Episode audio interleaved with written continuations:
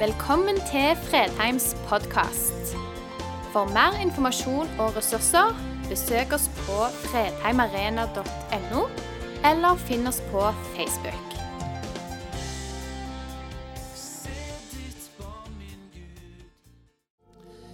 Teksten for denne søndagen finner vi i Lukas evangeliet, kapittel 7. Og jeg håper jeg får han opp på skjermen, sånn at jeg ser der bak. Gjør jeg ikke det? Det hadde vært en fordel at jeg ser det dere ser. Lukas kapittel 7 fra vers 11 i Jesu navn. Kort tid etter ga Jesus seg på vei til en by som heter Nain.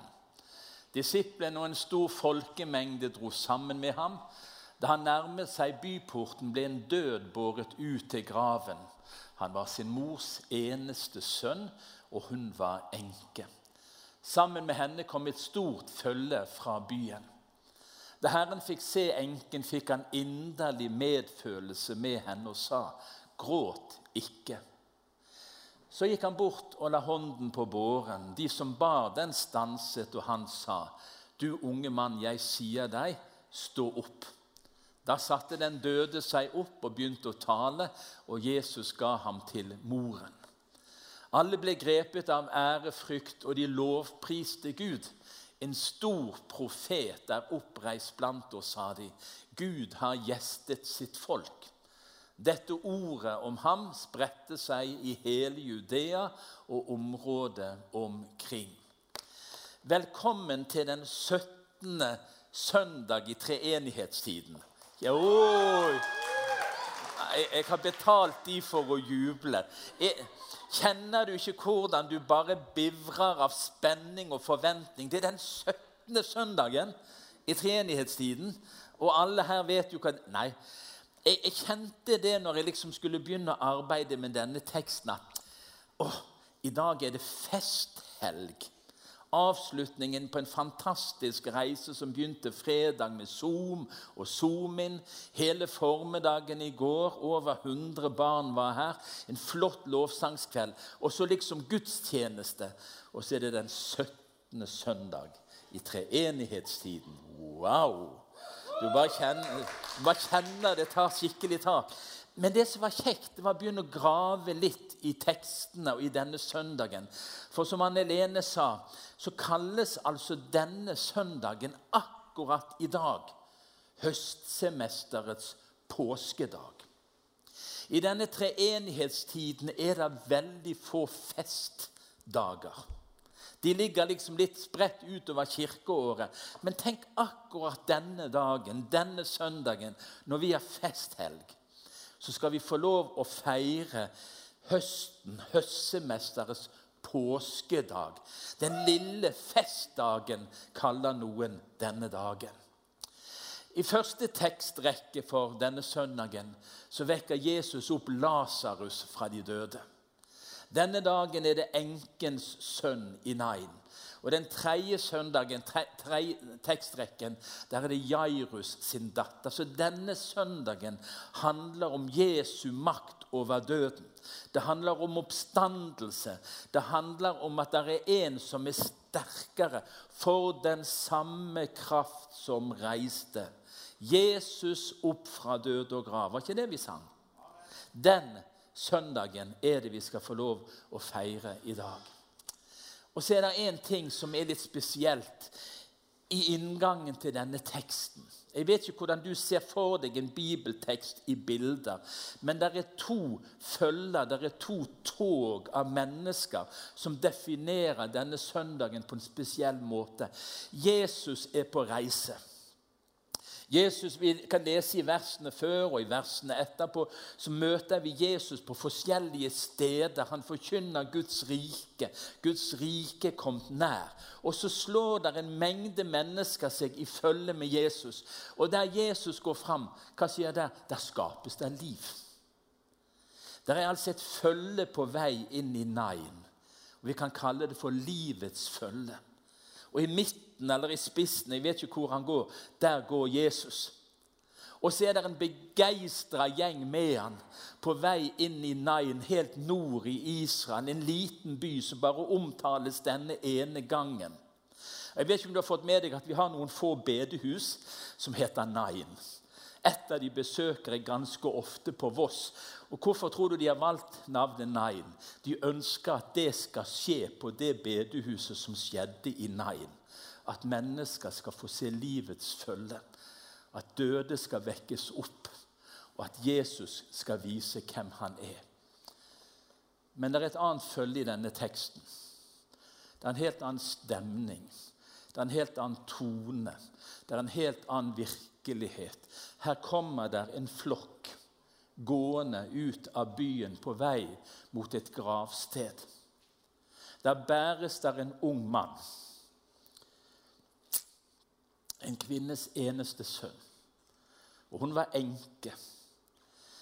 Eh, der er gråtekvinner som er betalt for å være med, så her er det larm. Her er det ikke livets følge, her er det dødens følge. Og så forteller denne teksten hva kan skje når Jesus og hans følge møter dødskreftene og dets følge. For det er det denne teksten egentlig handler om. Der skjer et møte her i Nain mellom Jesus og de som følger han. Og de som er fulle av sorg, fortvilelse, smerte, hvor døden har tatt tak og gjort alt i stykker og ødelagt og revet ned. To ting fra denne teksten skal vi prøve å trekke fram og understreke. Det handler om ekte omsorg, og det handler om det største under. Gutten var sin mors eneste sønn. For oss så betyr ikke det så mye. Jo, det er forferdelig å miste noen. Men hun mista ikke bare sin sønn. Som enke så mista hun òg sitt livsgrunnlag. Det var ikke noe Nav-kontor. Det var ikke noe enkepensjon. Det var ikke noe sikkerhetsnett rundt henne. Der går hun på veien i dødens følge. Sønnen blir båret av noen på vei sitt til graven. Alt håp er ute. Situasjonen er så svart som det er mulig for et menneske å oppleve. Men så er det et, et nytt følge som kommer denne flokken i møte. Og I spissen går Jesus. Da Herren Jesus, Herren fikk se enken, fikk han inderlig medfølelse med henne. Så får vi et glimt inn i hvordan Jesus er. Hvordan han identifiserer seg med å gå inn i smerte og sorg som ingen andre. I Matteus 9 så leser vi at han så folkemengden, fikk han inderlig medfølelse med dem.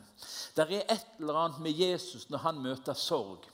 Når han møter smerte, når han møter død, når han møter ødeleggelse, så er det noe i Jesu hjerte som vier seg ut. Han har en medfølelse. Vi sier av og til det er tanken som teller. Har ikke du hørt det? Det er tanken som teller. Men i møte med døden, i møte med sorgen, så er det ikke nok med tanken. For Jesu medlidenhet, Jesu omsorg, får alltid konkrete utslag.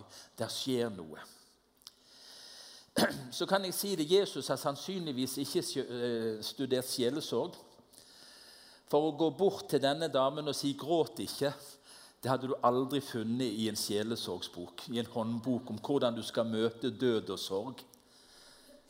Du skal gråte med, men du skal ikke nekte folk å gråte.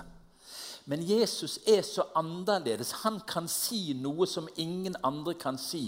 Og nettopp gjennom disse ordene så skapes der en kime av håp, av lys, inn i dette mørket. Hun aner bak de ordene 'gråt ikke', som alle andre, hvis de hadde sagt det, ville vært forferdelig å høre. Men når Jesus sier det, så skapes det en forventning. Kanskje noe kan skje. Det er ikke en passende kommentar. Og Nå var det jo mange andre enn henne som gråt. I teksten om Jairus datter så si, er huset fullt av gråtekoner som er betalt. Sånn var den jødiske kulturen. Det var mange av disse her i toget som ikke personlig var berørt, men de var betalt for å gråte. Så på en måte så sier Jesus 'slapp av, kutt ut'. Det er ikke sånn det skal være. Men til enken så sier han et skapende, spennende ord. Mange ganger så møter vi Jesus hvordan han møter mennesker, så er det ord som skaper håp og forventning. Og så kommer noe av det majestetiske. Det står ikke 'Jesus' her, det står 'Herren'. Her er det kongen, majesteten, som taler. Og hans ord er helt unike, helt spesielle. 'Jeg sier deg'. Det klinger liksom helt ifra skapelsens morgen. Da sa Gud, 'Det blir lys'. Og så blei det lys. Det er noe med Jesu ord som er helt annerledes. Hans ord er skapende. Hans, når han sier noe, så skjer det. Og jeg kunne ønske mine ord var sånn. Kunne ikke du ønske at dine ord òg var sånn? At når du sa noe, så skjedde det akkurat sånn som du sa det. Du er i et møte med et menneske som er fortvila, og så prøver du å gi håp, og så kjenner du du famler med ord, og det ser ikke ut til å skape så mye. Men Jesu ord er skapende. De er guddommelige. Når han står fram og sier 'Jeg sier deg', så begynner det å dirre forventning og spenning. For han taler med en helt annen myndighet enn noe menneske gjør det. I Salme 33 så står det 'Han talte, og det skjedde'. Han bød, og det sto der. Det er noe som er så unikt Eh, jeg begynner jo å bli gammel, det har jeg sagt mange ganger, og det kan dere se på mange måter. og Da er det jo farlig å begynne å sitere gamle sanger. Da skal jeg ikke gjøre det. Men veldig ofte i si, bedushistorien så sa folk de fikk et løsningsord. Det var et ord som satte de fri. Det var et gudsord som krøp inn i øret, og som landa i hjertet og skapte noe nytt. Det var ikke en god preken. Det var ikke formuleringer fra en predikant. Det var et gudsord som krøp inn gjennom øret. Jeg vet ikke om du har møtt et sånt gudsord en gang, eller flere. Hvor du blir tiltalt personlig av Gud sjøl. Jesus står der. 'Jeg sier deg' så taler han gjennom sitt ord og ved sin ånd et levende ord inn i ditt liv som forandrer situasjonen. Som snur alt opp ned, som skaper håp. Et løsningsord, et budskap som treffer oss.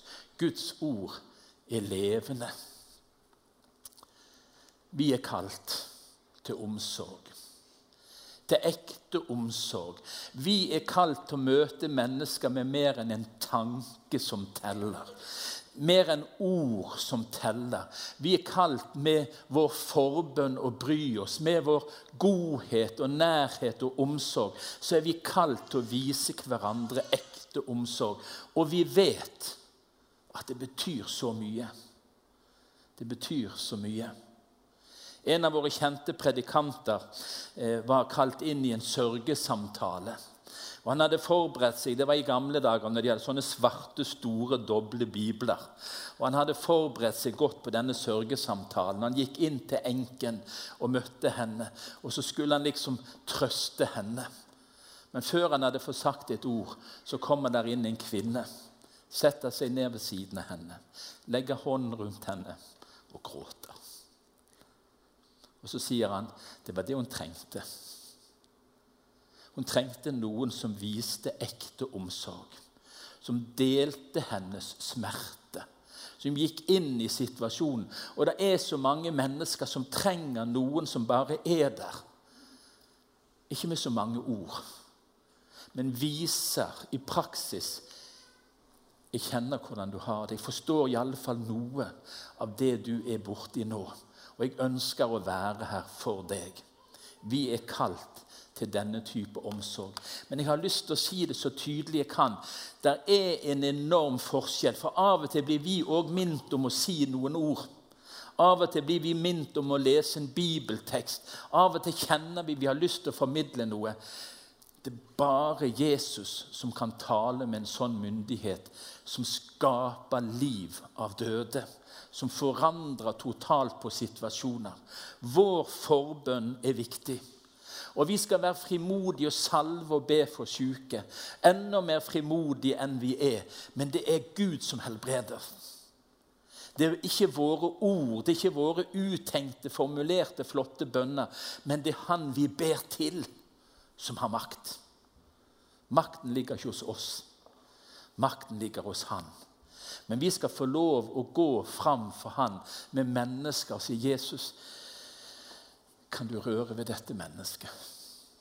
Kan du trøste denne? Kan du helbrede? Kan du gripe inn i denne situasjonen? Men det er ikke våre ord. De er ikke magiske, uansett hvordan vi formulerer. Men han har kraften, han har makten. Og han er den samme som han var i Nain denne dagen. Jesu ord kan forandre situasjonen. For denne enken er det ikke tvil om at det største underet det skjedde foran hennes øyne. Hennes eneste sønn ble reist opp ifra graven, ifra døden. Og så er det noen sånne små ting i en sånn tekst, hvis vi kikker litt på det. Jeg vet ikke hvor godt kjent du er i Det gamle testamentet når det gjelder renhetsforskrifter. Jesus kommer her som den som har et følge av disipler. Han er læreren, han er den store, han er den som folk følger. Og de har fått klar beskjed at de skal aldri røre ved et lik, aldri røre ved et dødt menneske eller noe i dets nærhet. Sånn var de opplært. Sånn står det i 4. Mosebok kapittel 19 om renhetsforskrifter. Og jeg bare skrev det sånn. Her bryter Jesus renhetsforskrifter så det suser. Hans omsorg, hans hjerte, hans medlidenhet gjør at han fullstendig forskrekker folk. Når han går bort, og så tar han fysisk på båren. Og så blir han urein i menneskers øyne. Men hans omsorg, som er uten grenser, gjør at disse forskriftene de gjelder ikke. Det er kjærligheten som gjelder, det er omsorgen som gjelder. Han vil vise at han bryr seg grenseløst om disse håpløse situasjonene. Du unge mann, jeg sier deg, stå opp. Da satte den døde seg opp og begynte å tale, og Jesus ga han til moren. Av og til kunne det stått litt mer i disse tekstene. Hva sa han? Hva sa han når han fikk livet tilbake igjen? Han på en måte reiser seg fra båren der. Hva var det første han sa? Men det var altså ikke interessant. Men det som var interessant, det er den lille sånn detaljen Jesus ga han til moren. Det er noe så genuint med Jesu omsorg. Det er så noe ekte med Jesu kjærlighet. Det er noe når han griper inn og gjør under, så er det to the point. Han vet akkurat hva som trengs. Og så kunne hun, som jeg sa, ikke gjøre, oppleve et større under. Men òg denne unge mannen døde en gang. Lasarus som sto opp, han døde en gang. Jairus' datter døde en gang. Alle disse som Jesus vekte til live, de går ikke blant oss lenger. De fikk en forlenga livsperiode. Det skjedde et under. Gud er i stand til sånne under som sprenger vår forstand og våre begrensninger. Han har et skapende ord. Men det er et men. Alle de møtte seinere døden. Og Denne teksten gir oss noen paralleller. Jeg skal ikke gå så mye inn på det. Det var en enke i Sarepta som vekte opp hennes eneste sønn ifra døden. Den var to av de største profetene i Israels historie. Det er Moses og Elia. De regnes liksom som de to største. Og Det står noe her i denne teksten. En stor profet og oppreist. Det er liksom her, Disse her ifra Nain de hadde hørt om enken i Sarepta. De hadde hørt om profeten Elia som eh, vekte han opp fra de døde. Og så ser de en parallell. Hvem er han, denne mannen, Jesus? Det står ikke noe om at de kjente han fra før. Det står ikke noe om at han hadde vært i Nain før. Det står i teksten at ryktet om han rakk helt sør i landet etter at dette hadde skjedd. Helt inn til Johannes som sitter i fengsel, Johannes døperen, hvis du leser de neste versene. Ryktet om Jesus. Så skjer dette underet i Nain. Og så er det som de liksom går tilbake i sin bibelhistorie. Men for en profet! For en mann. Det er en ny profet. Det er ikke lenger Elia, men her er det en som er kommet, og Gud er kommet oss nær. Og så er det et enda større på en måte sånn parallell i disse preketekstene denne søndagen, den 17. søndagen i treenighetstiden. Og nå skal dere slippe å juble, for nå har dere gjort det skikkelig. Denne 17. søndagen den på en måte banker det inn hver gang tekstene leses. Det vitner om Jesus som dødens overmann. Døden kunne ikke holde Jesus. Han sto opp fra de døde tredje dag, leser, sier vi i trosbekjennelsen. Døden kunne ikke holde Jesus. I livets følge, det som, er, som følger Jesus, er det noe som ikke kan stanses. Døden har ikke makt til å binde og til å holde. Og så forkynner denne teksten òg om Jesu oppstandelse. Vi vet at når Kristus er oppreist fra de døde, så dør han ikke mer, for døden har ikke lenger noe makt over han. Hans oppstandelse var for evig. Han dør ikke mer. Han lever. Han er den oppstandende. Denne høstsemesterets påskedag skal vi få lov Vi skulle nesten synge 'Deg være ære, Herre over dødens makt'. Jesus er stått opp fra de døde, og han lever. Han lever nå. Denne søndagen er Jesus levende til stede. Døden har ikke lenger noe makt over Jesus. Men så er det noe annet som ligger i dette. Dere var en gang døde, står det i Efeserbrevet. Altså mens vi lever. Sånn? Teksten er skrevet til noen som lever, og de levde under dette her òg ble beskrevet. Dere var en gang døde. For sånn er vår stilling uten Gud, uten Jesus. Da er vi åndelig døde. Du kan være så levende du bare vil. Du kan ha så god kondis du bare vil. Men uten Gud så er vi åndelig døde. Men, sier teksten videre, Gud er rik på miskunn. Fordi han elsket oss med så stor en kjærlighet, gjorde han oss levende med Kristus. Jeg skulle gjerne sett en død vekkes opp. Men den må likevel dø en gang. Det er ikke noe større under enn å se et menneske gå fra døden til livet. Fra mørke til lys, åndelig talt. Det har skjedd i dette rommet. Det har skjedd i hovedetasjen. Og det er det vi ber om hele tiden. Gud, måtte det under, det største under av alle under, skje oftere iblant oss. At døde vekkes til liv. Åndelig talt. Vi som en gang var døde så stor kjærlighet har Gud til oss at han gjør oss levende med Kristus. En fantastisk, eh, fantastisk under. Å bli en kristen folk er ikke å få en ny interesse, en ny hobby eller en ny mening med livet. Det er mye mer radikalt. Det er å få et nytt liv. Du får et nytt liv.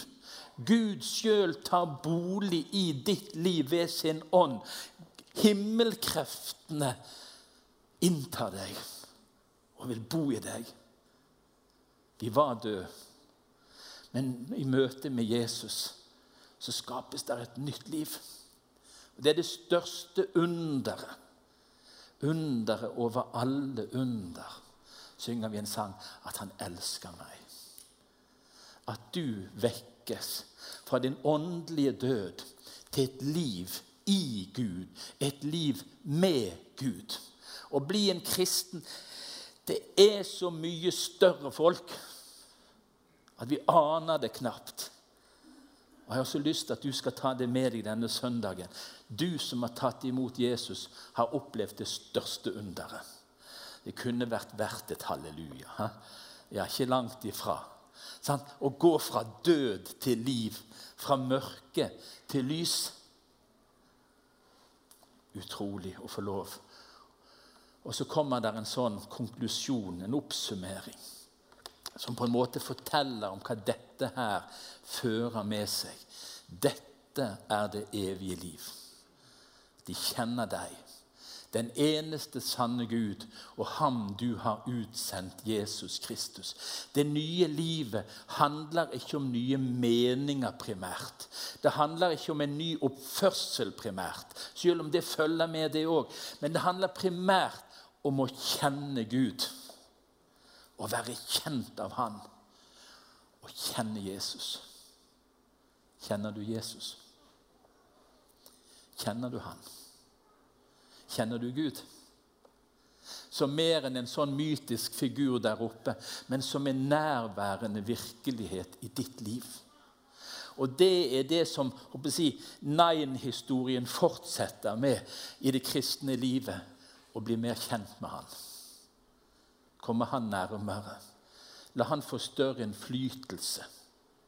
Sånn at vi kan være sånne livets følger. Og det, på bønnemøtet i, i, i, morges så var det en sånn tanke som bare slo meg når, før vi begynte å be. Tenk om denne menigheten kunne være et livsfølge. Et livets følge. Hvor vi som samles her, når vi er sammen, og når vi er hver for oss, så kommer vi gående, og så møter vi dødens følge. Og så kan det skje noe, for vi har Jesus med oss. Du har Jesus med deg. Der du går alene, der vi går som fellesskap, der har vi Jesus med oss. Og vi kan ikke mye, men han kan alt. Tenk å få lov å være med i det følget. Og Hvis ikke du er i det følget fra før, så må du komme inn i det følget i dag. Gå fra død til liv. Fra mørke til lys. Er det evige liv. At de kjenner deg, den eneste sanne Gud, og ham du har utsendt, Jesus Kristus, skal vi be sammen. Herre, takk for at du kjenner oss. Du kjenner alle som er på Fredheim denne søndagen. Du visste om oss, du kjente oss, du visste alt før vi gikk inn disse dørene. Du vet om mørket, du vet om fortvilelse, du vet om sykdom, du vet om gleder, du vet om seier, du vet om alt. Og Herre, i dag er vi i livets følge. Der du er Jesus, der kan nytt liv skapes. Og jeg ber i ditt navn, om noen har kommet inn på Fredheim denne søndagen, som ikke kjenner deg, Jesus. La det underet skje i dag. At de åpner sitt liv og sitt hjerte for deg. Og Herre, så ber vi for oss som har kjent deg lenge og vært i ditt følge lenge, Jesus. Tenn på ny den begeistringen av å få lov å følge deg. Sånn at når vi møter dødens følge i vår hverdag, så kan det skje under. Fordi du, Jesus, er der. Og du er i går og i dag den samme, ja, til evig tid. Amen.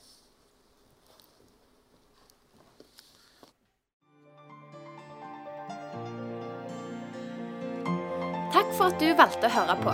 Nye opptak legges ut hver uke. Vi har gudstjenester hver helg, og du er hjertelig velkommen.